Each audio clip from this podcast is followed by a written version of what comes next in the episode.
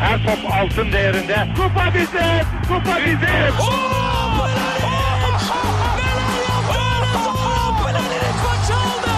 Dengeli de attı.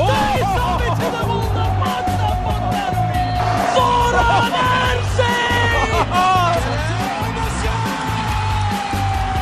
Dışarı çıkardı. Geldi, geldi, geldi.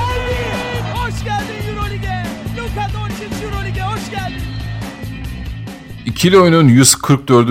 bölümünden herkese merhaba. Ben Ali Aktin, mikrofonun diğer ucunda değerli dostum Tancan Fümen var. Selamlar abi nasılsın? Vallahi süper diyeceğim ama diyemiyorum. Biraz mutsuzum yani keşke bir kupa çıkarabilseydik iki takımla ama iyiyiz ya. iyiyiz. Sen nasılsın? Ya, genel olarak evet yani güzel bir sezon oldu e, Türk basketbol açısından bizim açımızdan. Eğlenceli güzel geçti. Evet biraz sonu buruk bitti. Yani keşke kupayla tabii iki takımımızdan biri e, daha da sevindirseydi bizi ama ya buna da okeyim ben ya. Yani mutlaka geliyor zaten o başarı bir gün buralarda olduğumuz sürece. Aynen düşünsene bundan sonra şöyle 200 sezon daha iki takımla gitsek üf, efsane olur. ee, bu arada şey de söyleyeyim yani biraz geciktik aslında bu kaydı yapmakta. inatla Serkan'a da dahil etmek istedik ama evet, bir türlü olmadı. denk getiremedik. Ee, artık daha da şey gündemde çok dağılmadan bugün kaydedelim dedik artık. Aynen yapacak bir şey yok canım. O da bir gün bir gün o da dönecek aramıza. Biz bir yerlerde dinliyor eminim. Ee, evet, e, bildiğiniz üzere e, Final Four e, maçları CSK'nın şampiyonluğu ile sonuçlandı. Fenerbahçe dördüncü, Real Madrid üçüncü, Efes de ikinci bitirdi turnuvayı. Ee, öncelikle şeyden başlayalım abi istersen. Ee, ilk Fenerbahçe Efes yarı finalini oynadık. E, bu sırada da işte CSK Real Madrid'le oynayıp Efes'le CSK finaline tanık olduk. Ben maçlara girmeden önce sana bir şey sormak istiyorum. Yani bunu ne zaman hani sonda mı konuşsak başta mı konuşsak biraz kararsız kalmıştım ama e, maçları izlerken hoşuna gitti mi senin atmosfer? Yani salonun durumu genel olarak. Ya böyle çok içine girebildin mi? Ben orada çünkü e, çok yani geçen senelerdeki hissiyatım neydi tam hatırlayamadım ama bunda bayağı bir soğuk bir ortam. Ya özellikle şu Euroleague'deki e, pota arkalarının böyle bir türbünün komple işte basına ayrılması zaten o e, biraz ortamı öldüren bir olay ama hani bunda bir çaresi var mı herhalde yok. Bir de bu salonda böyle her yer böyle Euroleague şeylere, görselleriyle donatılmış hani aralara 3-5 seyirci serpiştirilmiş havası vardı televizyondan izlerken. Bir de şey de duydum e, televizyonda yorumları dinlerken spikerlerden bir tanesi söylemişti. E, salonda galiba hiçbir maçta öyle full ağzına kadar da dolmamış. Evet bilet falan da kalmış ya. Yani bilet satılmış böyle. Yani vizemiz falan olsa son gün gitsek ama kalacak yer yoktu. Belki de bilet bulurduk yani. Valla ben de hissettim açıkçası. Hani bir de Baskonya'yı biliyoruz. Diğer e, işte şehirlerde olan Euroleague'lerdeki atmosferi biliyoruz. Aşağı yukarı Türk seyircisinin ya da işte İspanyol seyircisinin aksiyonunu biliyoruz. Biraz yavandı açıkçası. Bunun aslında birkaç nedeni var. Bu Euroleague'in genelinde de bir sorun. Yani bu tip maçlarda özellikle ben Avrupa Basketbol Şampiyonası'nda çok yakından şahit olmuştum. Sen de geldin hatta. Aynen beraber izlemiştik. Aynen o maçların bazılarında da böyleydi. Özellikle de o ülkenin e, bayağı istekli ya da ateşli bir taraftarı yoksa genel taraftar kitlesi davetli, işte ünlü işte ne bileyim o bölgenin bilmem nesi işte siyasisi şusu busu işte geri kalanında dediğin gibi arkada böyle bir ben de basınım niye o zaman burada değilim diye doluşmuş ve hiç basınla pek işi olmayan tipler.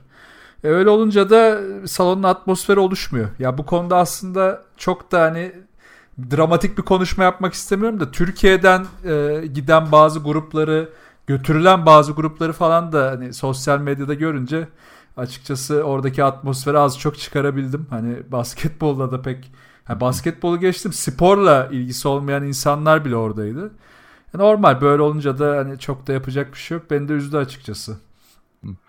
Ya ben şey kısmına da çok takılmıyorum. Yani illa böyle ateşli taraftar kitlesi götürelim derecesinde değil ama yani ben genel olarak o salonun dizaynını falan da e, işte böyle çok dediğin gibi onlara bunlara yer ayrılmış işte basın tribünü bak bak bitmiyor falan. Onu ben biraz şey öldürücü buluyorum yani atmosferi. Ya, tabii aslında şey olsa seri olarak oynansa yani e, ev sahibi takım sonra deplasman maçları falan olsa böyle Final Four e, tek maç sistemi olmasa üf o zaman bayağı evet. tadından yenmez herhalde. Evet ya ben artık o sistemi ciddi ciddi istiyoruz ya. Yani evet Final Four tek maçta çok değişken evet çok güzel tek maçın atmosferi de Euroleague'in artık biraz daha bütçe olarak ileri taşınması için seri oynanması daha mantıklı olacak gibi geliyor. Bir de hani teknik bir sorun da var bence. Euroleague'in genel olarak hani yayınlarında da ben e, belli yani işte Yunanistan ya da İspanya hariç birçok maçta zaten atmosferde alamıyoruz yani o seyircinin evet, evet. ekrana yansıması falan da çok düşük. Hani sonra açıyorsun NBA'yi izliyorsun sanki böyle şey e, ateş ediliyor içeride savaş var her yerden evet. gürültü geliyor falan. O biraz sanırım teknik konularda da ilgili. Belki de orada çok bağıran seyirci de vardı biz duyamadık bilmiyorum. Yani evet e, Euroleague aslında bu konulara bu hani pazarlama PR taraflarına biraz daha eğilse hani marka değerini arttırma adına bu tarz seyir zevkini artırıcı şeylere biraz daha önem verse daha güzel olur diyelim. Neyse tamam burayı da çok uzatmadan biz e, asıl konumuz olan e, Fenerbahçe Beko Anadolu Efes e, karşılaşmasını değerlendirerek başlayalım. E, nasıl gördün abi bu maçı? Yani sanırım herkes hemfikirdir. Çok e, beklentilerin uzağında bir Fenerbahçe, çok aç saldırgan bir Efes. E, biraz hani şaşırtıcı oldu açıkçası. Evet yani beklediğimiz kadar yoğun bir maç göremedik. Yani ilk yarı hariç biraz üzücü oldu o açıdan. Ama hani bu maç çok duygusaldı ya bir açıdan da. Ya çok şey de yapıldı ya işte maçtan sonra olanları zaten hani final maçından sonra olanları konuşacağız da. Ya bu maça ben bir de şey olarak çok arada kaldım. Yani bir basketbol seyircisi olarak tarafsız da bir seyirci olarak böyle biraz duygusal da yaklaştım. O yüzden daha iyi bir maç bekliyordum. Bir tarafa da yakın olmayınca benim için heyecanı iyice düşük oldu maçta kopunca. E, Türk basketbolu için iyi oldu ama maç kötü oldu abi falan diye böyle sessizce kapattım televizyonu. Ama teknik konulardan gidersek e, Efes'i bu maçta ben açıkçası bu kadar rahat görmeyi hiç beklemiyordum. Yani Efes Fenerbahçe karşısına tabi biraz da Ergin Ataman'ın başarısı.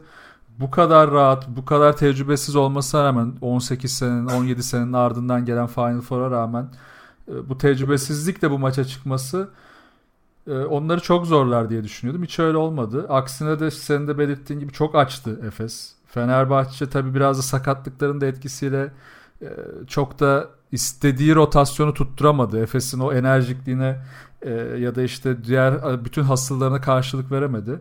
Ha tabii şunu da belirtmek lazım. Efes de %100 sağlıklı değildi aslında. Belli oyuncular belli sakatlıklardan geçip geldi bu seriye ama bir şekilde oyuncuları işte adrenalin olarak sahada daha iyi kalınca Fenerbahçe burada da kaybetti. Yani hiç kimse o maçın havasına giremedi. Elini taşın altına sokamadı. Fenerbahçe ve Obradoviç devamlı oyuncu aradı. İşte Guduric'i denedi, Dixon'ı denedi, Sulukas'ı denedi.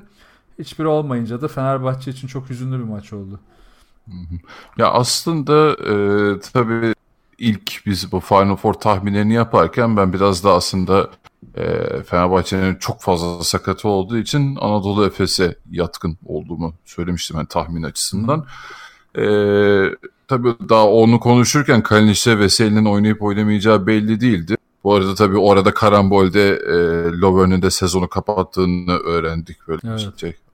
Alttan alt yazı hızlı bir şekilde alt yazı geçmiş gibi hani o da çok araya sıkıştırıldı. Yani bu kadar da yani değneklerle dolaşıyor falan bizim hiçbir şeyden haberimiz yok. Yani niye net söylemiyor işlerde o inanılmaz ya. Gizlilik hevesi nedir anlamıyorum. Sanki hani şey ya birkaç, ortaya çıksa Tabii abi birkaç hafta önce Twitter'da bir Fenerbahçeli yetkinin tweetiyle gördük yani konunun özetini. O da tam açıklamadı. Hani açıklamak biraz yanlış olur falan dedi. Allah Allah. Aynen aynen. Yani o gizlilik nedir hani planları mı suya düşürür açıklasa falan. Neyse oralara geçiyorum şimdi. Yani e, işte Kalin için bir sakatlığı vardı. Ondan sonraki ilk maçıydı bu. Zaten e, Final Four'a birkaç antrenman kala takıma katıldı. Veseli'nin bence sakat olarak çıktığı çok belliydi. Çünkü hani Veseli'de olmazsa zaten tamam abi biz maça çıkmayalım noktasına gelmişti hani kadro Fenerbahçe'nin neredeyse. Ee, ki zaten biliyorsun üçüncülük, dördüncülük maçında da 5-10 dakika oynadı. Sonra e, çıktı Veseli hiç zorlamadı. Onun dizlerde hala problem devam ediyor. Yani bu tabii demek değildir ki yani o çünkü e, Anadolu Efes'in bu performansına saygısızlık olur. Hani Fenerbahçe sakatları yüzünden kaybetti demek kolay şey olur ama çok fazla etkilediğiydi belliydi. Ben bu maçta o yüzden Sulukas'ın çok ön planda olacağını, daha skoraj bir e, Sulukas'ı izleyeceğimizi düşünüyordum. Derken onun da biraz hani şanssızlık mı desem, işte kendini biraz kontrol edememesinden desem çok erken üçledi. İkinci çeyreğin daha ortası mıydı? 3-4 dakika kala üçledi Sulukas ve kenara geldi. E zaten o noktada da Fenerbahçe'de gerçekten senin dediğin gibi elini taşına koyacak, yumruk koyacak bir e, oyuncu kalmadı ortada. Yani en çok şaşırtan da buydu beni. E, şartlar ne olursa olsun, kim sakat olursa olsun Fenerbahçe'de hep o e, geri dönüşünü maçın bir noktasında ağırlık koymayı, hani en azından rakibe soğuk teller e, boşalttırmayı bilen bir Fenerbahçe vardı. Ama bu kadar e, kolay pes eden bir Fenerbahçe ben gerçekten çok uzun zamandır görmemiştim. Evet çok erken oldu onlar için ama tabii Ergin Ataman'ı da burada takdir etmeliyiz ya. Çok iyi strateji yaptı. Yani Fenerbahçe'nin eksikliklerine çok doğru hamleler yaptı. Yani hep şu konuşuluyor ya mesela bu maçlardan sonra da konuşuldu. E, sosyal medyada da çok konuşuldu. Yani Ergin Ataman'ın işte oyuncu üzerinden performans yaratması, bir, bir iki oyuncu üzerinden takımı yönetmesi vesaire eski takımlarında böyleydi. Galatasaray'da işte Arayolu ve McCollum'u dönemler ya da işte Beşiktaş dönemleri. Aslında Ergin Ataman bu sene bunu bayağı değiştirdi. Yani sahaya çıkardığı aslında ilk 5 ve kenardan getirdiği oyuncuları doğru hamlelerle oyuna soktuğunda aslında herkese güveniyordu. Ama e, şunu güzel yapmaya başladı. Belirli oyuncuları maçın belirli anlarında doğru kullanıp onları parlattı. Belli oyuncularda da ısrar etmedi. Biz sezon içinde neyi eleştiriyorduk? İşte belli rotasyonlara çok ısrar ediyor. Rotasyonu geç Hı-hı. değiştiriyor vesaire bu eleştirileri çok yapıyorduk özellikle ilk yarıda. Ama bu maçlarda işte Simon mesela savunmada biraz sallandı. Hemen değiştirdi. İlk, ilk yarıda Fener, ilk çeyrekte Fenerbahçe çok iyi savunma yapınca hücumda e, işte belli oyunları bırakıp biraz daha topsuz oyunları denemeye başladı. Larkin'in görevini değiştirdi. İşte ne bileyim orada e, Misic devreye giremese de James Anderson'ı devreye sokmaya çalıştı. Böyle farklı hamleleri yapınca Fenerbahçe savunması da erken yıpranmaya başladı. İlk çeyrekte çok iyi bir savunma yaptı Fenerbahçe. Yani devamlı çembere atak eden, boş şut bulan Efes'i bir noktadan sonra iyi kitleyip çemberden çok uzaklaştırdılar. Ama yorulduktan sonra işte rotasyon daraldıktan sonra Ergin Ataman'ın Ergin Ataman'a tam tersi rotasyonu genişlettikçe çok yıprandılar. E, çalışmamaya başladı. Zaten ilk yarıdan sonraki işte bu düşüş de onu gösteriyor. İlk çeyrek 19 sayı sonra 26, 23, 24. Yani Efes'i burada kesinlikle durduramadılar. Bir de üstüne ekstradan hücum reboundu yani toptal rebound üstüne hücum reboundu üstünde verince iyice yıprandı Fenerbahçe savunması. Yani Ahmet hiç devreye giremedi zaten. Yani Veseli sakat. Hani Ahmet'ten de bir şey alamadı. E, Melli devamlı 5 oynamak zorunda kaldı. E, Veseli savunmada berbatken hücumda çok iyiydi. Hadi onu e, kenara alayım da sen iyice üretememeye başladı. Hep böyle eli kolu bağlandı Obradovic'in de. Ergin Ataman da bu avantajları iyi değerlendirdi. E, bu arada de katıyorum yani Fenerbahçe aslında ilk çeyrekte e, istediği bir senaryo vardı ortada. Çünkü e, Ataman e, Misic, Larkin ve Boba yan yana oynattığı dönemde Fenerbahçe çok rahat mismatchleri yakaladı. Onların üzerinden e, sayı bulabildi. Bu arada ilk çeyrekte mesela Green de çok iyi başladı maç. Evet Green inanılmaz başladı. Üretti e, Mitsic'e yapılan savunma şey baskı vardı. E, bu noktada zaten e, Efes hiç e, asist üzerinden üretemedi. Tamamen birebirlerden işte kendi bireysel oyunlardan üretmeye çalışırken e, bunun üzerine ikinci çeyreğin sonlarına doğru e, biraz şey e, rüzgar tersine esmeye başladı. E, bir de mesela Fenerbahçe'nin hani bu yıllardır e, zayıf karnıdır. Larkin tabii bunu öyle bir abuse etti ki e, bayağı rebound aldı sanırım bu maçta. Larkin kaçtaymış en son? Larkin 7 rebound, 7 rebound aldı. Abi, o reboundları alıp öyle bir fırladı ki Larkin e, Fenerbahçe savunmasını hep eksik yakaladı. e, dengesini feci bozdu Fenerbahçe. Yani zaten o tarz gardlara karşı Fenerbahçe hep e, dediğim gibi yumuşak karnıdır o Fenerbahçe'nin.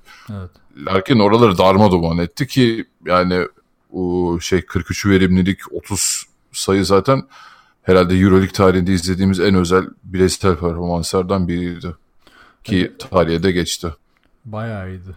Ya işte her çeyrekte de biri parladı işte. Yani Larkin e, ki bak asist dedin demin ona da değineyim oradan gireyim hatta. Fenerbahçe'nin 20-13 asist üstünlüğü var. Efes'in hani 13 asist yapıp da bu farkta kazandığı bir maç olmamıştı sezonda yanlış hatırlamıyorsam.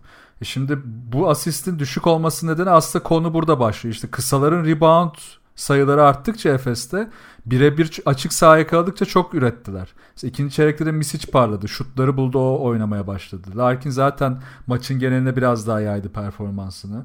E, bu tip işte pozisyonları reboundlarla çok verirseniz zaten Fenerbahçe savunması geçişte çok zorlanıyor. Zaten Fenerbahçe savunmasının ilk koruyucu noktası yüzdeli oyundur. Yani yüzdeli oynaması lazım ki Fenerbahçe'nin e, geçiş savunmasını daha az versin. E burada da Fenerbahçe çok fazla boş şut buldu aslında. Bak Efes savunması dışarıda sallandı. İçeride ne kadar iyi olsa da ilk yarıda dışarıda çok sallandı. Çok boş şut verdi. Ama Fenerbahçe sokamadıkça bu sefer rüzgar Efes'e dönmeye başladı. Buraları da iyi değerlendirdiler.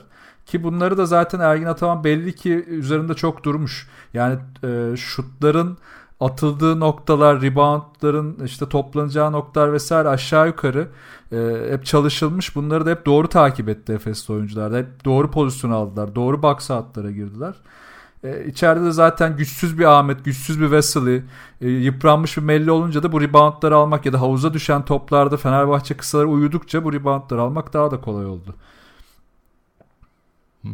Ee, bir de hatırlarsan dördüncü çeyreğin başında e, Obradovic'in son hamlesi gelmişti. Beş kısayla başladı. Evet.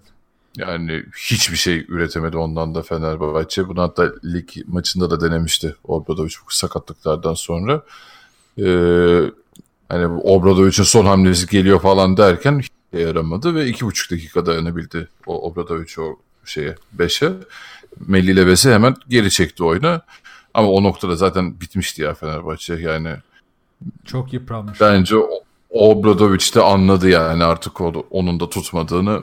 O yüzden maç sonunu o da pek zorlamadı açıkçası. Yani zorlayabilecek bir şey kalmamıştı elinde zaten öyle bir oyuncu ya da o ateş yakacak kimse de çıkmadı.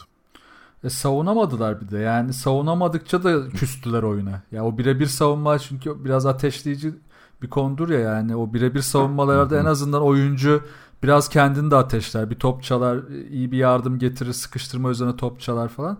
Mesela ilk çeyrekte posta inen toplarda Fenerbahçe iyi sıkıştırma getiriyordu. Efes topu post bölgesinden çıkartıp dışarıda daha çok yönlendirmeye başlayınca orada hiç savunamadılar. Üstüne de Efes son çeyrekte ya inanılmaz dinayetli savunmadı. Yani Larkin inanılmaz savunuyor. Misic çıldırdı. Top göstermediler. Yani e, böyle olunca da sen zaten 5 kısaya ya da 3 3 garda dönmenin amacı bu baskıdan kurtulmak. Savunmayı delmeye çalışmak. E, onunla da delemiyorsan zaten yapabilecek çok bir şey kalmıyor. E, yani sonuç olarak e, Efes'in böyle bir e, turnuvada yani Final Four'da böyle bir performans göstermesi çok aşırı sevindiriciydi. Yani böyle özgüvenli sanki yani yıllardır orayı oynayan Efes'miş gibi oynaması çok e, sevindiriciydi bizim için. Ama işte 5 senedir buraya oynayan ve bu normal sezonda hani rekor kıran birinci bitiren Fenerbahçe'nin de bu duruma düşmesi bir o kadar da üzücüydü bizim için. Ya aslında konuştuğumuz şeyler biraz da Fener'in başına geldi ya. Yani kısa tercihinin e, sorun çıkaracağını aslında aşağı yukarı tahmin ediyorduk. Mesela işte Eric Green'in bu seviyede olup olmayacağını ilk çeyrekte biraz oynadı. Aa dedim ulan bugün oluyor galiba farklı bir şey yapacak. Yok. Yani sezon içinde tabii Tyler sakatlığı önemliydi ama işte Green hamlesi olmadı. Çünkü geçen seneki Vanamaker'la çok alakası oyuncular. E onun dışında hiç alakası yok. Aynen uzun tarafında zaten sorunlar vardı. İşte Lovern'da sakatlanır ki Lovern sakatlanmasa da ne verirdi yine tartışılır. Biraz bu tercihler Fenerbahçe için kötü oldu. Ee, savunmada ya, da Lovern evet kötü. mesela savunmada e, gerçekten istediğimiz seviyeye gelememiş bu sezon ama abi yani sağda olunca bir şey alabildiğim bir adamdı Lovern. Yani bence o kadar da hani çok yokluğu bir şey fark ettirmedi diyemem ben açıkçası gerçekten çünkü Ahmet bu sene beklentilerin çok altında kaldı. Hep üzerine koyan, e, geliştiren bir isimken e, bu sene bilmiyorum ya benim biraz hayal kırıklığına uğrattı. Yok abi bu seviyede çok zor ama hani Rövern için de aslında evet bir şey arardı. Hiçbir şey yapmaz değil ama işte bu maçta elini taşın altına sokabilecek oyuncu o da olamazdı onu demek istiyorum. Ha o açıdan okey evet Yani sezonda mesela Dixon'ı da hep tartışıyorduk hatta bize gelen yorumlarda abi yine yaşlı dediniz 30 attı aldı maçı falan diye iyi dönüyordu. İşte ama bir Final Four seviyesine gelince olmuyor. Olmaz da zaten çok zor. Yani Dixon'ın da oraya oynaması çok zor tek başına. Evet takım belki tempo tutsa işte o top dolaşımı iyi olsa daha boş şutlar bulsa Dixon belki ritme girip 3'te 0 atmazdı da o maçta belki 2-3-3'lük sıkıştırırdı. Ama hiçbiri olmadı yani. Çünkü o tempoyu tek başına yaratabilecek bir oyuncu değil. Lovern de öyle bir oyuncu değil. Green de öyle bir oyuncu değil. İşte burada hani Vanamaker, işte Bogdanovic ki Bogdanovic'in o efsane Panathinaikos serisi işte kupanın geldiği sezon falan o oyunu Fenerbahçe'yi birçok kötü oynadığı maçta geri getirmişti. O oyuncuyu bulamadı Fenerbahçe. Efes'te tam tersine Ergin Ataman'ın bu sene değişen vizyonuyla birden fazla böyle oyuncu buldu. Larkin'le aldı, Misic'le aldı, yeri geldi Simon'la aldı. Yani Dunstan'ı çok kötü başlamasına rağmen hep doğru noktalarda yükseltti. Fenerbahçe de aslında bunu arıyordu ama bulamadı. Yani ama ne olursa olsun e, tabii bu iki takımı e, Final Four seviyesinde karşılıklı izlemek bizim biraz da şeydi yani çocukluk hayalimiz gibi bir şeydi. O yüzden e, ben ya da çok mutluyum yani bu maç için. Evet, e, bu karşılaşmaya dair ekleyeceğim bir şey var mı? Yani final maçını konuşurken yine değiniriz ya. Birkaç aslında işte bu e, maçta olanlarla ilgili içime şey takılanlar var da onları konuşacağız. Tamam. E, bu maçtan hemen sonra CSK Real Madrid karşılaşması vardı. Onu da 95-90 CSK aslında bir ara 15 sayı farkla evet. geriye düştüğü maçı çevirdi. Ee, çok kısaca biraz buna da değinelim. Yani e, geçen sene hakkını fazlasıyla teslim ettiğini düşündüğümüz Pablo Lasso'nun ben performansını hiç beğenmedim açıkçası bu maçta. Sen ne dersin? Pablo Lasso beni de biraz şaşırttı bu maçta. Çünkü belli oyuncularda gereksiz ısrar etti. Yani özellikle mesela Fernandez hani faal problemi hariç Fernandez'in kontrolden çıktığı bir bölüm oldu. Lul'un özellikle o son çeyrekte üst üste kaçırdığı 3 üç üçlük yani hele ikisi inanılmaz anlamsız. Hani tamam evet Lul gibi bir oyuncuyu daha önce bu periyotlarda oyunda tutup kazandı ama işte o biraz da histir yani koç şeyi hisseder. Yani bu olmayacak bugün. Ve ben bunun Hı-hı. riskini alamam. Çünkü CSK çok ciddi geliyordu. Tempoyu rüzgarı arkasına almıştı. O riski aldı, kaybetti. Diğer çeyreklerde de benzer riskler aldı. Hepsini kaybetti. O yüzden Lasso biraz e, fazla güvendi gibi geldi bana belli oyunculara. O da onu yarı yolda bıraktı. Itudis zaten bu Final Four'un açık ara bence en iyi koçuydu. Çok iyi hazırlanmıştı. Her şeye çok iyi hazırdı yani. Ya ben de Lasso'nun şey tercihini anlayamadım. Yani maça da çok iyi başlamış olan e, Tavares ve Kozör'ü nasıl o karar anlarında hiç düşünmedi, kenarda unuttu derler ya bazen koçlar için. Yani tamamen yüle bıraktı o sahneyi 1-2-3 kaçır kaçır kaçır yani e, CSK'da büyük bir dirençli onun üzerine gitti. Yani Lasso izledi gerçekten maçın elinden gidişini bence. Çok da gereksiz saha içinde hakemle de uğraştılar. Evet hani abi, evet. Bu yani çok sıkıldık değil mi bunlardan artık yani 42 faal oldu falan. Evet sayıma bakınca yüksek duruyor da şimdi Real Madrid'in de saha içinde yaptıkları her zaman tartışmalıydı. E, CSK da buna biraz ayak uydurdu açıkçası. Yani hakemlerin ben çok ciddi bir fark yarattığını düşünmüyorum böyle maçlarda. Hani işte Fenerbahçe CSK maçı da böyle tartışılmıştı zamanında. Biz de tartışmıştık. Evet çok ciddi hatalar vardı. Bu maçta da vardı ama maçın kaderi senin eline geliyor ya burada. Yani senin e, Lul 3 tane üçlük sahada kaçırırken bunu düşünmüyorken hakemin bir faulle maçı kaybediyorsan e, o kader çok da hakemlerin değil senin elindedir yani. Yani işte Lasso'nun kenara havlu fırlatıp tepki hakeme tepki vermek için fırlatıp sonra hakem teknik çalınca böyle orada böyle kafayı yemesi, kalp krizi geçirecekmiş gibi böyle triplere Ya vallahi sana falan. demedim ya. Benim oyuncuya diyordum ya. Vallahi falan. Bir de böyle gaza geldi. Aynen işte Rudy Fernandez de aynı tripler falan. Yani tam Real Madrid bunlardan beslenen bir takım. Seviyorlar böyle şeyleri de hani bir noktada ya bu maçta en azından keski sirke küpüne zarar derler ya biraz o noktaya geldi olay yani artık boku çıktı. Ya, CSK gayet sakin oyununa devam etti. Real Madrid orada kafayı yerken adamlar farkı kapattı geçti yani. Bu biraz bahane psikolojisi işte ya. Hepimiz yaşamışızdır. Böyle bir şeyler kötü giderken sorumluluğu alamazsın, çözüm üretemezsin. E ne olur işi biraz işte tartışmaya, e, gereksiz konulara çekmeye çalışırsın. Biraz Lasso ona girdi. Ya Lasso'nun sezon performansı çok iyiydi. Ama evet Final Four'da e, sınıfta kaldı. Yani Obradovic de mesela evet eleştireceğimiz şeyler var Obradovic'in tercihleri ama eli hani birazdan eli dardı. Şimdi eli dar olunca belli kararları o da geç aldı. Belki daha erken alsa biraz daha o da rotasyonu daraltarak süreleri e, farklı oyuncular üzerinden deneseydi başka şeyler yaratabilir miydi? Belki ama yine elin darlığı bu durumu zorlaştıracaktır. Real Madrid eli çok genişti ama bu genişliği çok kötü kullandı. Yani be- belki de belli anları daha daraltarak oynaması gerekecekti. Belli oyunculara daha çok ısrar etmesi gerekecekti. E, bunu da yapamayınca CSK adım adım ki sezonda bu sene en farklı konusu olan savunmayı göstermişti CSK. Final Four'da da en üstte çıkardı. Yani evet 15 sayı geriye düştü bu takım ama yine de skora aldanmamak lazım. Dönüşü savunmayla oldu. Yani Clyburn evet hücumda acayip işler yaparken savunmada çıldırttı yani Real oyuncuları. Aynen. Ee, yarı final eşleşmeleri değerlendirmemiz de böyleydi. Ekleyeceğim bir şey yoksa bir kısa bir ara verip finali konuşalım.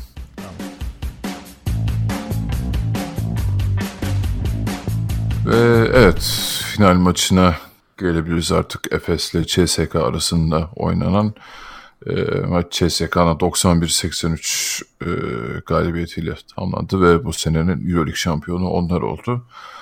E, bu maçı nasıl değerlendirirsin abi tabii şeyi e, mutlaka üzerine baskı yapacağız herhalde. CSK'nın bu akıl almaz üçlük yüzdesi bu maçta in- inanılmaz formda olmaları ve bir türlü hani düşmemesi onun herhalde e, anahtarlardan biri oldu bu maçın.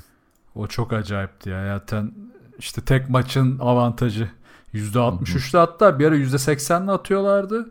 22'de 14 attılar. Hani sezon ortalaması 8.80. Yani 21-22 şut deneyip 8-9 isabet vuruyorlardı. Artı 5 buldular. Hadi artı 1 artı 2 hadi artı 3 bile kabul edilirken artı 5 çok acayipti. Ve hani biraz bazı şutlar çok zormuş gibi gözükse de şunu da kabul etmek lazım. Yani 2-3 şut dışında gerçekten hani topun dolaşımıyla beklenerek hazırlanmış savunma eksiltildikten sonra ya da işte zor atılsa bile top iyi döndükten sonraki Efes savunması iyiydi bazı şutlarda. Gerçekten yetişti de topa ama iyi top döndüğü için iyi şut tercihi oldu ve bu şutlar girdi. Yani girmeseydi evet Efes'in kazanma ihtimali çok yüksekti ama inanılmaz soktular. Ama tabii sırf da bununla değerlendirmemek lazım. Şimdi bu maçı biraz da e, Itudis'in hakkını vererek değerlendirmek lazım. İlk maç işte Real Madrid maçında Rodriguez ve De Colo öne çıkmıştı e, hücum tarafında. Clyburn son çeyrekte hücumda öne çıkıp ekstradan maç boyunca da inanılmaz bir savunma katkısı verdi. Bu maçta da Higgins ve Clyburn ilk maçta Higgins pek piyasada yoktu. Bu maçta Efes maçında Higgins, Clyburn ve De Colo kritik anlarda ortaya çıkıp işte o ilk kez o rotasyon avantajını ki geçmiş yıllarda mesela Teodosic varken çok top çok fazla Teodosic'in elinde kaldığı için diğer oyuncular her zaman devreye giremeyebiliyordu. Bu maçta evet, özellikle bu Final Four'da Itudis şunu çok iyi yapmış. Yani top paylaşımını özellikle de e, rakip savunma nerelerde zayıfsa oralardan delerek başlatmış. Yani ısrarla birinden birinden denemeye çalışmadı. Yani işte ille tepe piken öyle oynayalım. Eksiltirsek köşe şutörü buluruz. Yok ille posta indirelim. Oradan başlatalım. Hiç bunlarla uğraşmadı. Bu oyunculara işte bir özgürlük verdi. Yani Higgins savunmayı okudu. Eksilttiği anda zaten pasını buldu. Clyburn aynı şekilde. Dekolo aynı şekilde. Bu top e, dolaşımı bu kadar özgür bir ortamda olunca da oyuncular da rahatladı. Mesela daha önceki yıllarda Itiudis'le ilgili bu tip eleştirileri yapan oyuncular oluyordu. İşte biraz fazla kısıtlıyor. Oyuncular kendini özgür hissetmiyor. Bu yüzden de aslında potansiyellerin altında kalıyor diye. Itiudis bunu kesinlikle aşmış bu Final Four'da. Efes'i de e, zayıf olduğu noktalara çok iyi hapsetti. Belli oyuncularına hiç katkı verdirtmedi. Yani Muharman'ı devreye sokmadı. e, Larkin her ne kadar 29 sayı atmış olsa da Larkin'i belli yerlerde çok iyi savundu. E, çok zorladı onu. E, Misic'i zaten Misic özellikle top dolaşımı için en önemli oyuncu Anadolu Efes'te. Onu çok oyunun dışına itti. Onun ekstra öğretmesini e, baya baya engelledi. E, bunları yapınca da e, Efes'in ilk maçtaki o rahatlığı bu maçta çok hızlı kayboldu. Hızlı stres oldu Efes bize. Yani evet dediğine katılıyorum. Bu özgürlük eskiden e, CSK'da hani dekoloya mahsus bir şeydi. E, geçen sene Corey Higgins'e fazlasıyla tanındı. O, da, Corey Higgins bayağı sezonun yıldızıydı onlar için. E işte Clyburn'de falan da katılınca dediğim gibi 3 tane kanat oyuncusundan çok aşırı verim alıyorlar bu oyun şeyle. Hani şu final maçında Rodriguez'e çok gerek bile kalmadı. Yani o oralardan inanılmaz tam e, performans aldı. Ve bu arada şey hamlesi de çok doğruydu onlar için. Sen hani Hackett, Shane Larkin evet, e, eşleşmesinde de yani hem savunmada hem hücumda işte Larkin'in üzerine doğru oynadılar. Ha tabii Larkin yine inanılmaz bir performans ortaya koydu. Ama CSK yine doğru olan oynadı. E, şey dediğin çok haklısın. İşte Muarman'ın yani şu e, final maçında sadece 4 top kullanması skandal gibi bir şey yani Efes için. Yani hiç arzu ettikleri bir e, durum değil ki yani Shane Larkin'den sonra Muarman belki de bu takımın en çok top kullanması gereken ismi. Özellikle bu seneki performansıyla. Orayı tamamen tıkadığı için CSK e, tamamen Simon'a kaldı aslında o görev. Evet. Ha bu ikinci çeyrekte falan hani e, Efes skor eritirken Simon oralarda gerçekten bir enerji verdi. Ama tabii e, ne olursa olsun Efes yani kendi konfor alanının çok dışına çıkmak zorunda kaldı bu maçta. Ee, bu arada Dunstan da mesela inanılmaz iyi bir maç oynadı. Çok savaştı. Ama e, Erken senin de bahsettiğin gibi. işte o da sıkıntı oldu. Aynen. İşte orada da mesela Plyce'ın e, bu yapıda ne kadar sırıttığını gördük maalesef. Ya özellikle CSG gibi çok e, atletik bir takımda e, işte Plyce'ın çok kolay geçildiğini gördük. Abi şeyler de çok acayipti ya. Hani havada içine mi bırakayım smaç mı vurayım falan derken iki tane öyle hücumu evet, çarçur etti. Savunmada e, işte ilk adımda geçildi falan. O keskinlik hiç yoktu Plyce'da maalesef bu maçta. E, ya çok da bir suç bulamıyorum çünkü e, mesela hani o ayaklarının yavaşlığı falan hani çok da ona e, böyle bu maçta bir anda çare bulunacak şeyler değil o e, yapının verdiği bir şey. İşte bunlar hep e, uzun vadeli strateji ya. Tabii Plyce biraz da piyasanın yokluğunda da alınan bir oyuncu oldu. Yoksa hani Otel Hunter tarzı bir daha Dunstan'a yakın bir oyuncu olsa elinden yakın derken hani onun getirebileceği defansif e, özellikleri en azından sahaya koyabilecek bir oyuncun olsa çok daha farklı olurdu. Ki bak e, aslında sen de bahsettin ikinci ikinci periyotta o kadar fazla ikinci şans geldi ki reboundlarla zaten bunu yaratıyoruz. E, Efes bana 19 hücum reboundu aldı. Ama üretime bakıyorsun. Evet skor olarak burada çok yüksek bir skor yakaladı. Yani e, top kayıplanan 23-14. E, ikinci şans sayılarından da 19-11 Efes önde. Ama işte bu çeyrekte belki de 30-11 olacaktı. Yani sırf bu çeyrek. Pardon 35-15 olacaktı bu çeyrek. Yani o kadar çok kaçırdık ki. E, işte bu tip maçlarda da bu fırsatları bulup da değerlendiremediğin zaman o sana yorgunluk olarak geri dönüyor ve moral bozukluğu olarak. E Plyce da zaten biraz da havaya girince biraz biraz bir şeyler ötebilen bir oyuncu. Bu maçta hiç ayakta bile duramadı. E yine Etudis'e geliyoruz burada. Yani Plyce girdiği anda zaten direkt oraya saldırmaya başladılar. Ergin Ataman'ın da öyle de çok e, yapabileceği bir şey yoktu elinde. Yani bir iki, ilk yarının sonunda ve ilk, üçüncü çeyreğin başındaydı galiba ya da pardon üçüncü çeyreğin sonu ve dördüncü çeyreğin başındaydı. Muerman'ı 5'e alıp bir kısa 5 denedi ama orada da fizik olarak fazla dayanamadık. Ya zaten CSK dediğimiz gibi hem fizikli hem atletik bir atlet bir takım. Ee, bu arada tabii Miss için hani bu kadar e, geri planda kalması da sadece CSK'nın yani iyi savunmasıyla da açıklanabilecek bir şey. Yani gününde değildi abi adam yani o da işte tek maç çok e, olabilir bir şey. Ben de Allah belanı versin hani vay işte büyük maç oyuncusu değil falan gibi bir yorumda bulunmayacağım tabii. Çok olabilir bir şey yani bence. Ya ama diğer taraftan mesela abi hem Fenerbahçe maçında hem bu maçta Boboa da sırıttı benim gözümde. Yok abi sırf hani ben alayım atayım yani böyle 1'e 9 takılıyor çok gerçekten yani. Ben atarım abi şutumu gerisine de karışmam basketbolu Efes'e zarar veriyor bence. Bir de hiç top kullanmadan da o son çeyrekte oyunda kaldığı süre neydi ya? Çok kötüydü. Yani girdi bir top kaybı yaptı. ikinci de yapıyordu neredeyse. Zaten el yakıyor artık her şey. Zar zor sayı çıkıyor. Herkes birbirine girmiş. Ortalık karışmış. Hemen aldı Boboa'yı oyundan. Olacak gibi değildi. Aslında bak sorun şuydu yani Misic'te ya da işte Larkin'in de çok sorun yoktu. Konu o kadar iyi savunma yaptı ki e, CSK ama bunu topsuz oyunu da iyi savunarak yaptı. Yani Misic nasıl biraz daha coşuyor? Diğer oyuncuları da beslediğinde topsuz oyun hareketlendi. O eksilttikten sonra işte doğru pası bulup şutu yarattığında o da biraz daha devreye giriyordu. Bu maçta çok üstüne yığıldı. E sezon içinde bunun örneklerini gördük. İşte Real Madrid örneği bir Barcelona maçında aynı şey olmuştu. Top onun üstüne çok yığıldıkça birebir de zaten e, o da üretememeye başlıyor. Kaldırata başlıyor. O da onun için çok tercih ettiği bir durum değil. Larkin de orada tıkandı biraz. E diğer oyuncularda işte Muarman'ın aslında sayısının düşük olması nedenlerinden biri de bu. Yani evet tek başına top kullanma şeyine de çok girmedi ama ağırlıklı olarak top ona da gelmedi. Getirmediler. O deny olayını Aynen. çok iyi yaptılar. İşte o yüzden de biraz da ee, şeye döndü pardon e, şey Simon'un işte zeka sağdaki beyin olmasına döndü Ergin Ataman ama o da tabii bir yere kadar yetti. Ya tabii bu arada bence bunlar da çok e, eleştirilebilecek şeyler değil. Yani bunlar yani geçen seneyi sonuncu bitirdi abi Efes. Şimdi bir anda finale çıktı diye de e, az önce dediğim gibi hani var büyük maçta kayboldu falan eleştirilerini kimse hak etmiyor.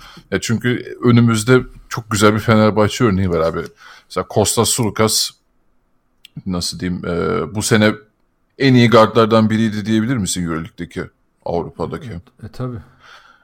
Abi bundan önceki senelerde çok saç başı olurdu mesela Sulukas. Bogdanovic bile bizim zamanımızda at, ah, e, az şey bizi lafımızı yemedi yani o böyle yarım fake atar atmazdı bir türlü o güveni yoktu. Tabii. Hep bunlar yıllar Veseli'nin saçmaladığı bir ton maç izlemişizdir su kaynattı. Yani Efes bence hani biraz daha tabii ileriye dönük konuşuyorum ama e, doğru oyuncuları bulduğuna inanıyorsa bu kadro içerisinde onları tutup e, üzerine yatırıp yapmaya değer bence bu kadro. Ya tabii eskiden şey oluyordu işte kadroda belli bir çekirdek oluşuyor gibi hissetsen de belli oyunculardan sezonda belli şeyler alsan da hep sezonlar hüsranla bittiği için hep şu istek doyuyordu. Koçu değiştirelim, oyuncuyu değiştirelim. E, bakalım, deneyelim, bu olmadı, bozalım, yapalım, bütçeyi kısalım, bütçeyi arttıralım. Hep bu döngüde Efes yuvarlanıyordu. Şimdi ilk Final Four'u da düşünürsek yani e, geçen hafta da konuşmuştuk işte hani o, o dönemi de çok net hatırlıyorum. Hani salonda da izledik maçları. Çok acayip bir atmosferden. Yani yıllarca işte Asfer'e elen, Benetton'a elen falan artık dolmuştu Efes'te. Abi, herkes o kadrodaydı. İbrahim orada, Hidayet orada, orada işte e, Mulan Böreviç orada bilmem ne. Takım çok acayip. Şimdi o takım bile aslında bu kadar iyi bir kimyaya sahip değildi. Hatta yine çok zorlanmıştı. Sezonda da belli dönemlerde zorlandı olmuştu. Ama bu takım işte Final Four'a kaldıktan sonra biraz e, Ergin Ataman da işte takım yönetim olarak da işte belki Alper Yılmaz da çok konuşmuyor ama e, şeyi hissettiler sonunda. Biz bu takımı tutarsak Evet artık somut bir sonuç da aldık. E, farazi konuşmamıza gerek kalmadı. Yani belki bu takım playoff'a kalsa bak yine sallanabilirdi. Aman şunu değiştirelim Misic'le olmadı falana bile gelebilirdi. Hani Misic özelinde demiyorum hani örnek veriyorum. Ama bu Final Four e, bu gidişatı değiştirecek bence ve zaten şimdiden başladılar. Dunstan'la uzatıldı, Simon'la uzatıldı, Ergin Ataman'la uzatıldı. Ataman'la uzatıldı. Aynen. Larkin'e teklif yapıldı. E, hatta Higgins'e teklif yapıldı. Dedikoduları çıktı. e, evet. Şu anda çok agresif Anadolu Efes. Hem takımı tutuyor. E, bu çok olumlu işte. Bu tip sonuçları görmek. E, bunun da bak şeyi unutuyoruz yani e, işte milliyetçilik yapıyorsunuz. Çok duygusal yaklaşıyorsunuz. Ne olacak iki takım olsa taraftar taraftardır geyikleri yapıldı ama işte Fenerbahçe'nin üst üste 5 sene Final Four yapması, üstüne e, bir o, bu ortamı hazırlaması buraya getiriyor seni. E, zamanında da Efes bunu yapınca diğer takımlar heyecanlanıp lan biz de yapabiliriz demeye başlamıştı. E bu işler böyle oluyor. Şimdi NBA'de de bunu konuşuyoruz. Yani Golden State modeli dediğin şeyi herkes yapmaya çalışıyor. Bunun nedeni de Golden State'in kendisi başka bir şey değil. E ama bunlar unutuluyor işte. Boş geyiği kalıyor geriye. Evet onu demişken galiba bir şeye de değinmek lazım. Ne kadar tatsız olsa da şu maç sonunda yaşanan olaylara Evet ya. Ee, artık hani maç biterken e, yani CSK'nın galibiyeti kesinleştikten sonra işte Fenerbahçeli bazı taraftarların işte bu mola alsana muhabbetine girdiği görüldü. Ergin Ataman da dönüp haklı bir şekilde bence bayağı bir ağız dolusu sövdü o tarafa doğru. işte sonra Ali Koç tribüne çıktı oraları yatıştırmak için falan. Yani işte hani artık basketbol seyircisi kültür mültür falan diyoruz ama yani bir noktada da ha bu arada şey diyenler de var tabii biz ekran başında izlediğimiz için bilmiyoruz ama hani maçın sonuna kadar kalıp e, alkışlayan destek veren Fenerbahçeliler de oldu falan. Evet evet işte onu o... onun hakkını verelim. Var var yani evet. Onun hakkını verelim. O... Bu bir grup yani bir grup e, tuhaf tuhaf insan. Onlara galiba tepki de göstermiş o Fenerbahçeli taraftarlar ne yapıyorsunuz diye. İşte yani bir de maç 19 Mayıs'ta oynanıyor. Öyle de bir evet. özelliği var. Ama e, tatsız bir durum oldu. İşte büyük ihtimalle bu iki takım bir de şimdi e, Türkiye Ligi'nde karşı karşıya gelecekler. Büyük finalde de olabilir bu. E, yani Efes'in salonunda bir şey olacağını zannetmiyorum ama yine yani bu ilişki düzelmeyecek yani Ataman'la Fenerbahçe e, seyircisi arasında. O yüzden yani şey o süper tadımı kaçırdı yani benim de izlerken o olay. Evet ya zaten maçın mutsuzluğu vardı bir de o çıktı üstüne. Ben biraz şu bakış açısından da rahatsız oluyorum. Yani mesela ilk savunma şu. Ne olacak Panathinaikos'ta Olympiakos'ta oraya çıkınca birbirine sallıyor. Abi Panathinaikos'ta Olympiakos 92 yılından beri ikişer ikişer oralardalar. Biz hayatımızda bir kere gittik. Yani bu basket. Türkiye'de basketbol çok küçük. Bunu anlayamıyoruz biz. Oradaki konu taraftarlık değil. E, Türkiye'deki basketbolun gelişmesi. Ha şu olur. Sen de 10 sene 12 sene oralarda o seviyede takılırsın. Ve artık dersin ki tamam burada bir rekabet oluştu. Biz daha ne rekabet oluşturacağız abi orada yani bu bakış açısı sağlıksız. Ha Türk futbolu da aynı sorunu yaşadı yıllarca. Ha desen ki abi Galatasaray'da Fenerbahçe'de Beşiktaş'ta da Trabzon işte Şampiyon Ligi'nde hep yarı finalde hep çeyrek finalde artık orada bir rekabet oluştu. Sabah sabah akşam taraftarlar tartışsın. Birbirlerine işte sinirlendirsinler, bir rekabet ortamı oluştursunlar. Hani küfür etmeden vesaire. Böyle bir ortamımız yok bizim. Ya bu unutuluyor yani. Bir zaten yani fanatizm hayatımızda olan bir şey o maalesef. Ben sadece spor üzerinde söylemiyorum. Yani bu topraklarda olan bir e, vazgeçilmez bir durum maalesef. İki e, ulan ne diyeceğimi unuttum. e, şey yani dediğin gibi gerçekten lan zaten buralara kaç seferdir geliyoruz ki ne ara doyduk da bu başarılara bir de birbirimize sataşmaya başlıyoruz. Tabii tabii. Sonra yani şey Fenerbahçe işte. Şeyde de var yani Fenerbahçe taraftarında ben çok net hissediyorum yani bunu ve Obradovic'in o sistemleri başına değil abi. Ee, sadece milleti böyle bir öze, öz, e, önemli maçlara, iyi maçlara rakip seçme tabii. olayı falan başladı hemen yani o şampiyonluktan sonra. Tabii, bir tabii, de biz de burada sürekli övünüp duruyoruz işte Aa, nasıl da şeyiz e, süperiz işte kültür oluşturduk oturduk falan. Ya bırak abi yani Yunanistan'ın yanına yaklaşamayız bile şu an ama. Yani iyi yoldayız ama onun da değerini bilmeden gidiyoruz şu an maalesef. Yok bilmiyoruz canım. Kendi içinde de bu sorunlar var işte dediğin gibi. Yani taraftarlar kendi içinde de neyi ne yapacağını hiç bilmiyor. Ee, yani çok kötü abi. Ben çok sıkıldım bunlarda. İşte sonra bunları söyleyince de çok duygusalsınız, çok romantiksiniz. Yok işte çok milliyetçisiniz falan. Bunun milliyetçilikle duygusal falan alakası yok abi. Biz basketbolun e, şu ülkede dönem dönem alevlenip sönmesinden de sıkıldık. Ya bitiyor bu arada bak şunu da unutuyoruz. Yani batıyor Türk basketbolu. Futbol da batıyor da hadi bir şekilde döndürebiliyor kendilerine. Basketbol iyice döndüremeyecek hale geldi. Basketbol Türkiye Ligi'nde takımlar kapatıyor gidiyor yani. 3-4 tane takımın e, şu an parası kaldı. Bunları unutuyoruz. O 3-4 takım gidince sen hangi maça gidip neyi izleyeceksin? Sen hangi iki takımı üst üste sokalım da Final Four'a 4-5 sene de belki sponsorları tutabiliriz elimizde. Onu da yapamazsak başka türlü sponsor sokma şansımız da kalmayacak artık. Hı hı. Abi şey biliyorsun zaten bu arada Bamit kapanıyor. Evet. E, diğer taraftan elimizde güzel bir İtalya örneği var. E, en son Bologna'yı, Treviso'yu, ne Siena'yı duyan oldu. Yok bitti e, Bir tek şey kaldı ellerinde yani e, Milano kaldı. Yani son 2011 işte. Zaten... 2011'den beri evet. İtalyan yok piyasada. Aynen.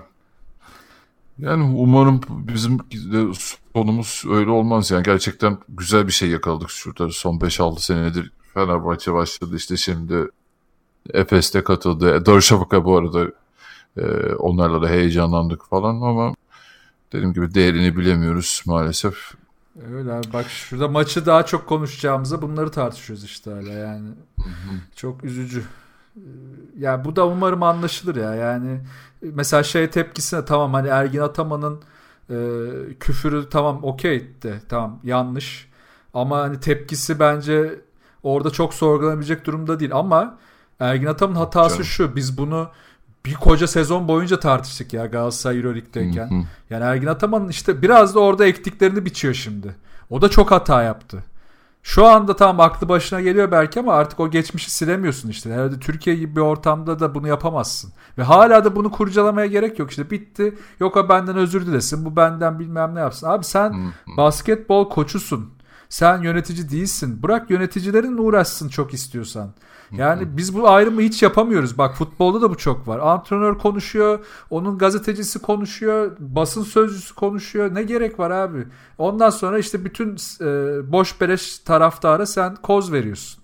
Onlar da bunu hemen senin önüne atıyorlar. Ha o açıdan aynen çok haklısın. Yani tamam oradaki bunu yapan taraftarı gömdük de yani bunda çıkıp savunacak kişi yani laf edecek kişi Ergin Ataman olamıyor. Çünkü sen ektin abi bunları. E, tabii tabii. Ee, bu gerginliği zamanda sen tırmandırdın. Ne bileyim işte ülkelerine gittiğimde can güvenliğim yok deyip o işte polis kasketiyle salondan çıkmalar falan ya da o maça çıkmamalar. E, her türlü saçmalık döndü. Ondan sonra da olay bu kadar tırmanmışken de hiç olmamış gibi davranmak olamıyor maalesef. E tabii kendi yani Haklı kılmıyor yani. ama aynen. Haklı kılmıyor ama işte dediğim gibi yani o ilişkinin ben maalesef düzeleceğini zannetmiyorum. Burası da öyle devam edecek. Evet bizde bu tip ilişkiler düzelmiyor. Çok çok büyük e, travmalar, dramalar falan olursa yani biraz e, bizdeki mantık o. Anca öyle belki olur.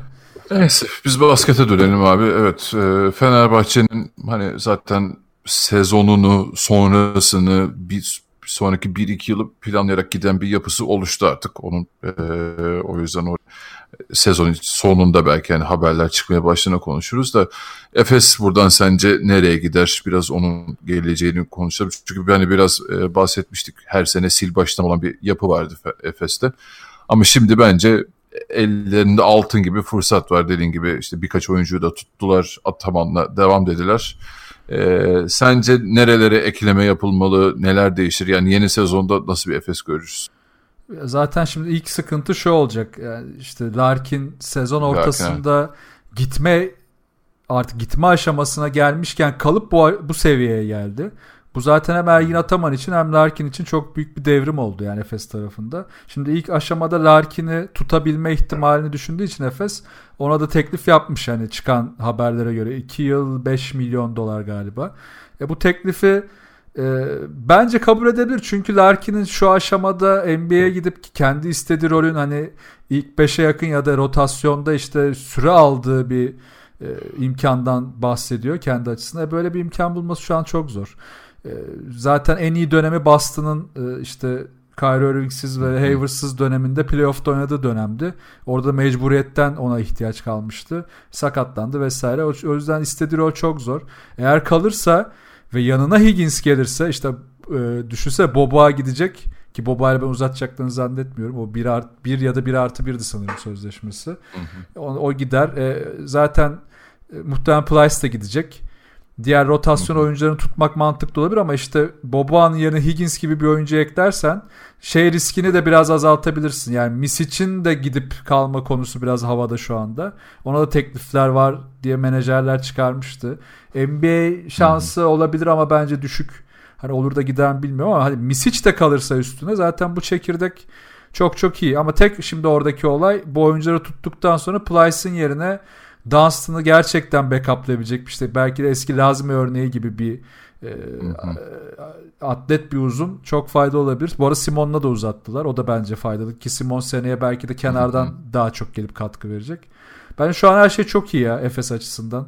Yani şu çekirdeği koruduktan sonra e, masada olan şu an masada gözüken takviyelerden birini yapıp bir tane de uzun bulabilirlerse işler çok iyi bir noktaya gelebilir. Ha bir de tabii şunu da ekleyeyim. Anderson'ın durumu da var. Hani belki de Anderson yerine de biraz daha size'lı bir kanat oyuncusu faydalı olabilir.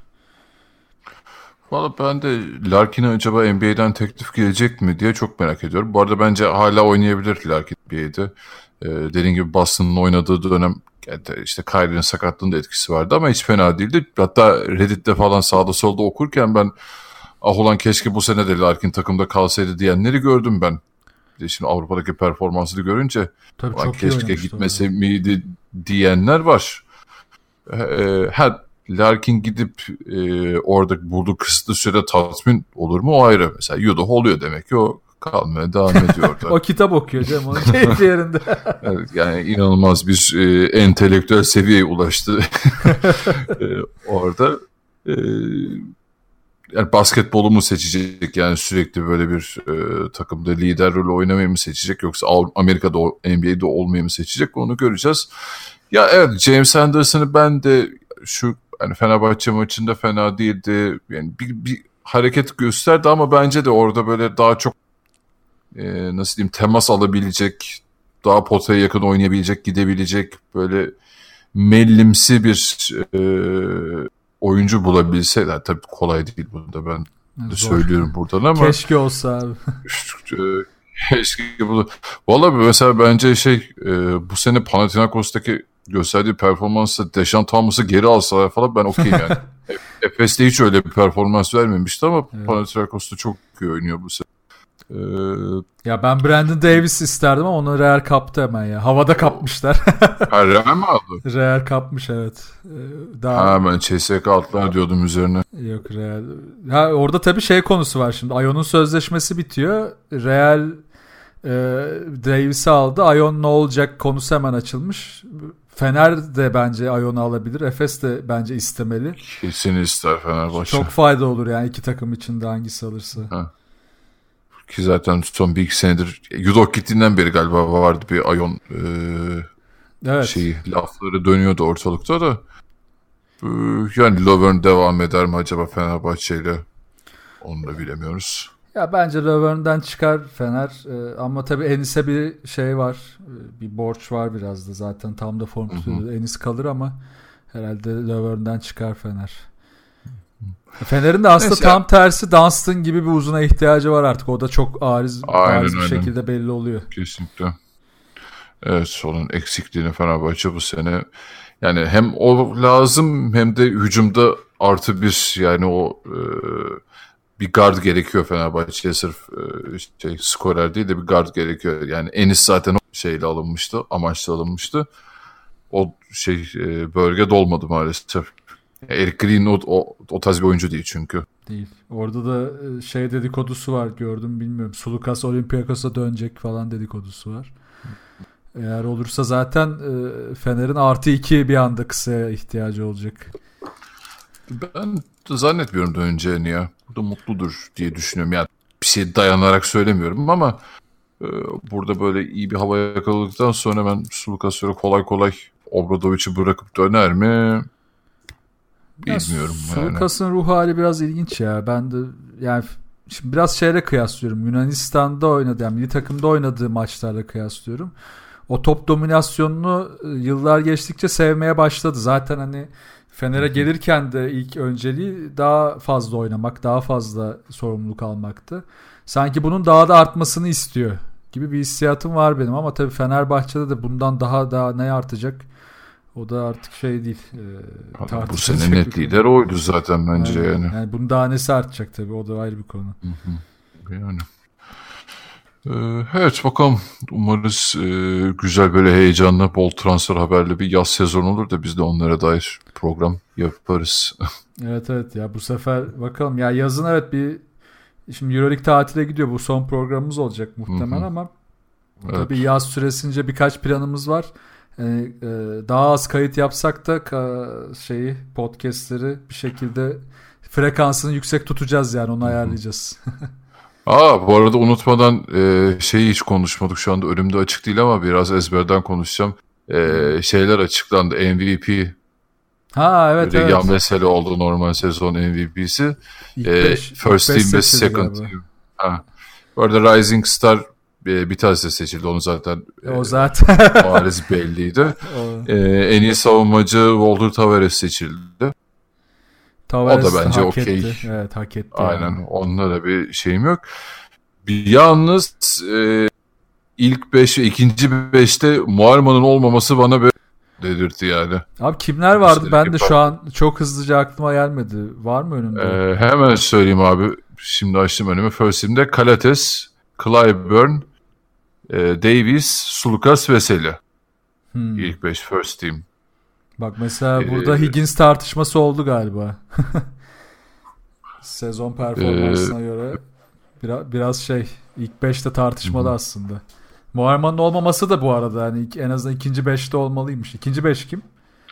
İşte ikinci 5'te de Nando De Colo, Mike James, Vasilya Mitsic, Poirier, Tavares. Hayda. yani, yani yani çok sayısal tercihler değil mi bunlar ya? Mike James'i görünce zaten. Aynen. Ya çok sayısal tercihler bunlar. Şey, e, top scorer yani en iyi skorer ödülünü aldı da o tamamen dediğim gibi istatistik kağıdından bu sene en, kim en çok atmış ya tamam ver ödülü. Evet ya. Yani... Şey tamam. Ama galiba herhalde bu ilk ve en iyi 5, ikinci 5 olayları da herhalde index rating'e göre ilk onu açıp değil mi oradan random seçmişler böyle. Yoksa yani... Muarman'ın performansından sonra mesela yani Poirier kötü oynadığı için demiyorum ama ben hakkını teslim ederdim ya Muarman'ın bu sene. Ya Muarman evet olmalıymış ya. Üzücü olmuş. Higgins de olmalıymış yani. Ee, biraz tartışmalı 2-5'te. Ya zaten Eurolig'in bu tip konularda sezon içinde de bazen şaşırdığımız oluyordu haftanın beşlerinde. Çok tuhaf tercihler oluyordu. Ya bir de dur şey var esas. Sezon en iyi smacı mı ne? Wesley'nin normal, Ay, normal hareketi. o Wesley'nin en iyi hareketi değil değil mi? Yani bütün sezonun en iyi hareketi galiba. Yanlış anlamadım. Tabii tabii. Bu sezonun en iyi, en sansasyonel yani bu sezonun en iyi hareketi evet. Wesley'nin çok hiç böyle saçma sapan bir aleyupu seçildi yani. Abi çok... O aynı maç içerisinde bile daha iyi bir hareket yapmış olabilir yani. ben inanamadım ona ya. Yanlış baktım herhalde ya da yanlış hatırlıyorum falan. Bak şimdi bile şüphedeyim hala yani. Gerçekten inanılmaz ya. Çok çok çok çok daha iyi pozisyonlar sezon içinde gördük ya. Çok acayip smaçları vesaire. Ya ulan smacı falan geçtim. Hani bari Campazzo'nun tam sağ attığı basket falan var yani onu bile koysan ha okey. Yani o kadar standart bir Aleyüp smacıydı ki hiç anlam veremedim. Yani ben de gerçekten çok saçmaydı. Ay, ee, abi. Bu editoryal olarak Euroleague çok tuhaf. Ama MVP'de bir yorumun var mı? Wesley aldı. E yani evet o zaten onu çok konuştuk. Hak ediyordu sakatlığına kadar. E, sakatlık kısmı da ligin sonuna gelince herhalde o çok etkilemedi diye düşündüler. Ama evet sakatlığına kadar bence de hak ediyordu. Neyse en azından onu Mike James'e vermemişler. Böyle index rating'de en yüksekte o var diye MVP ona vermemişler. Ama e, yani şey anlamında bence tartışmasız veseliydi. Yani bu sene e, bireysel performansla takımı en çok maça en çok etki etme anlamında açık ara veseliydi. Bence çok yanına e, e, yaklaşabilen biri olmadı. Ha, belki Sulukas'ı sokabilirdin o tartışmanın içerisinde ama Veseli çok net hak etti. Ya işte çift taraflı da oynayabildiği için aslında çok öne çıktı. Ki savunması hı hı. özellikle de Avrupa'da o tip bir e, switch üzerinde uzunu bıraktığında bu kadar iyi savunma yapabilen oyuncu olmadığı için e, ona kayıyordu. İşte o savunmayı da Final Four'da hiç göremeyince biraz tabii bu ödüller tuhaf Evet. kalıyor. Yine de üzücü oldu tabii o da. Keşke e, daha verimli bir anında olsaydı da izleseydik. Ee, bu arada son lafımız olarak da şeye bir çakalım geçelim. Üçüncülük dördüncü maçının gereksizliğine. Of evet ya. İzlemedim cidden. Hani kimse de zaten izlemedi galiba maçı. Ben de arkada açıktı böyle bir çok kısa baktım. Zaten e, sağ olsun şeyde sakatlandı o maçta. E, şey neydi Fenerbahçeli?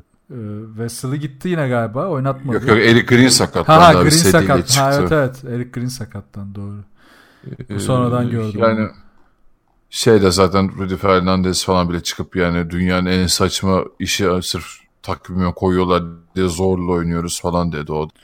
Ya gerçekten evet, kimsenin izlemediği, oyuncuların oynamak istemediği Evet ya. Ya kesinlikle yani olan bu- bizim de her sene söylediğimiz. Ya yine konuşalım da yani artık seri olmalı ya. Her sene konuşuyoruz. Geçen sene de konuşmuştuk. Yok abi seri olmalı. Ben artık inanıyorum buna. Evet o heyecan tamam da yok bu. Daha büyük bir heyecan yaşayabiliriz yani. e, 4 maçlık Evet, bir ben- seri falan olsa inanılmaz olur. Yani evet yani NBA'deki gibi best of seven yani Best of seven, aynen. 7 maçlık olmasın da 5 olsun abi. 5 de olur 5 de olur. 3 ol 3 olan alsın seri yani normal playoff e, EuroLeague playoff'larındaki gibi. Bence çok zevkli olur ya. Abi bir de bak seyirci taraftar için de iyi olur. Şimdi Euroleague Final Four konseptinde e şimdi şehre veriyorsun o şehrin ya da ülkenin takımı yoksa oranın seyircisini kaybediyorsun. E, e, Evet o da var. e, ateşli bir seyircisi olan takım da yarı finalde yenirse zaten o hype gidiyor. E, devamlı bunlarla uğraşıyorsun. Sonra aman işte şey düşükte davetli götür bilmem ne yap. Böyle şey gibi oluyor. Körler sağırlar birbirini ağırlar gibi oluyor Final Four'lar. E, seri olsa Eş- ik- iki tarafta kendi sahasında daha ateşli olacak. E, biri tabii canım. öbür maça yetişebilecek mi? Onun heyecanı olacak. Taktik savaşı daha çok artacak. Şimdi tek maçta elin tıkanıyor. Saha içinde acil kararlar alman gerekiyor. Ama öbür maça hazırlanabilirsin. Yani bunları Tabii. çok daha iyi etkenler. Tabii. Yani bir de evet yani, yani sürpriz oluyordu vesaireydi okey ama bir noktada bence heyecanı arttırmak böyle bir değişik bir konsepte girmek e, için daha iyi olacaktır diye düşünüyorum ben de. E, okey ekleyeceğim bir şey var mı abi? Yok abi ya. Son EuroLeague yayını diye diye her şeyi konuştuk. EuroLeague'e ait. Aynen. Yine konuşuruz canım. Bir, bir Euroleague yayını daha. Aynen. Serkan'ı bulursak onunla da yaparız. Artık kısmet söz vermeyelim ama bulursak mutlaka yapacağız emin olun. Aynen, kısmet. Ee, o zaman bu sezon için Euroleague'de bizden bu kadar diyoruz. Ee, bu sırada tabii e, NBA'de şey son e, Doğu'da final devam ediyor. O da biter bitmez bir e, Golden State'in finaldeki rakibi kim olacak onunla ilgili bir e, final serisi başlamadan önce kayıt yapacağız. Şu an için tarih veremiyoruz e, ama seri başlamadan onu da e, müjdesini buradan veriyorum tüm ilgili oyunculara. E, bu haftalık bizden de bu kadar. E, hap, yani bir sonraki NBA yayında o zaman görüşmek üzere diyelim. Hoşça Görüşürüz.